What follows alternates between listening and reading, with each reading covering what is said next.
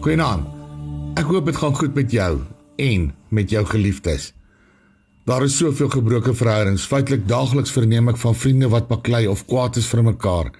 Mense wat vertrou is en ander in die steek gelaat het of besteel het. Dan praat ons eers van huwelike wat op die rotse land nie en die ewige twis in families tussen broers, susters of ouers nie. In die kerk ervaar jy seer kry in jou huis, in jou vriendekring, in jou werksplek. Dis skep regtig ware gedagte dat die duiwel besig is om oorhand te kry. Wat het geword van liefde, eensgesindheid en saamwoon in vrede? Wat het geword van ons diens en antwoord aan God met ons leefwyse en verhoudings? En koning Dawid het baie van hierdie onmin ook ervaar. Saul wou hom doodmaak. Sy eie seun Absalom ook. Die volk in kampe geskeur. Hoeveel keer moes hy nie vlug of wegkruip nie? En dan skryf hy 'n pelgrimslied. Psalm 133.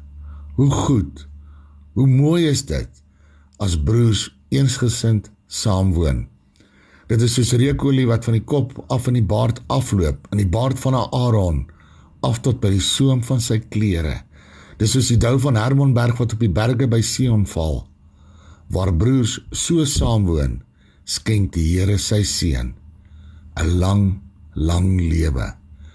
Mag jy vanaand in jou geselsie met God jou lewe in sy hande plaas en vra dat jy ook die goedheid en die mooiheid kan ervaar waar broers in eensgesindheid saamwoon. En mag die Here jou God jou seën om die verskil te maak tussen die gebroke mense sodat sy liefde en vrede kan heers. Hy het jou so nodig. Amen. Nag se Here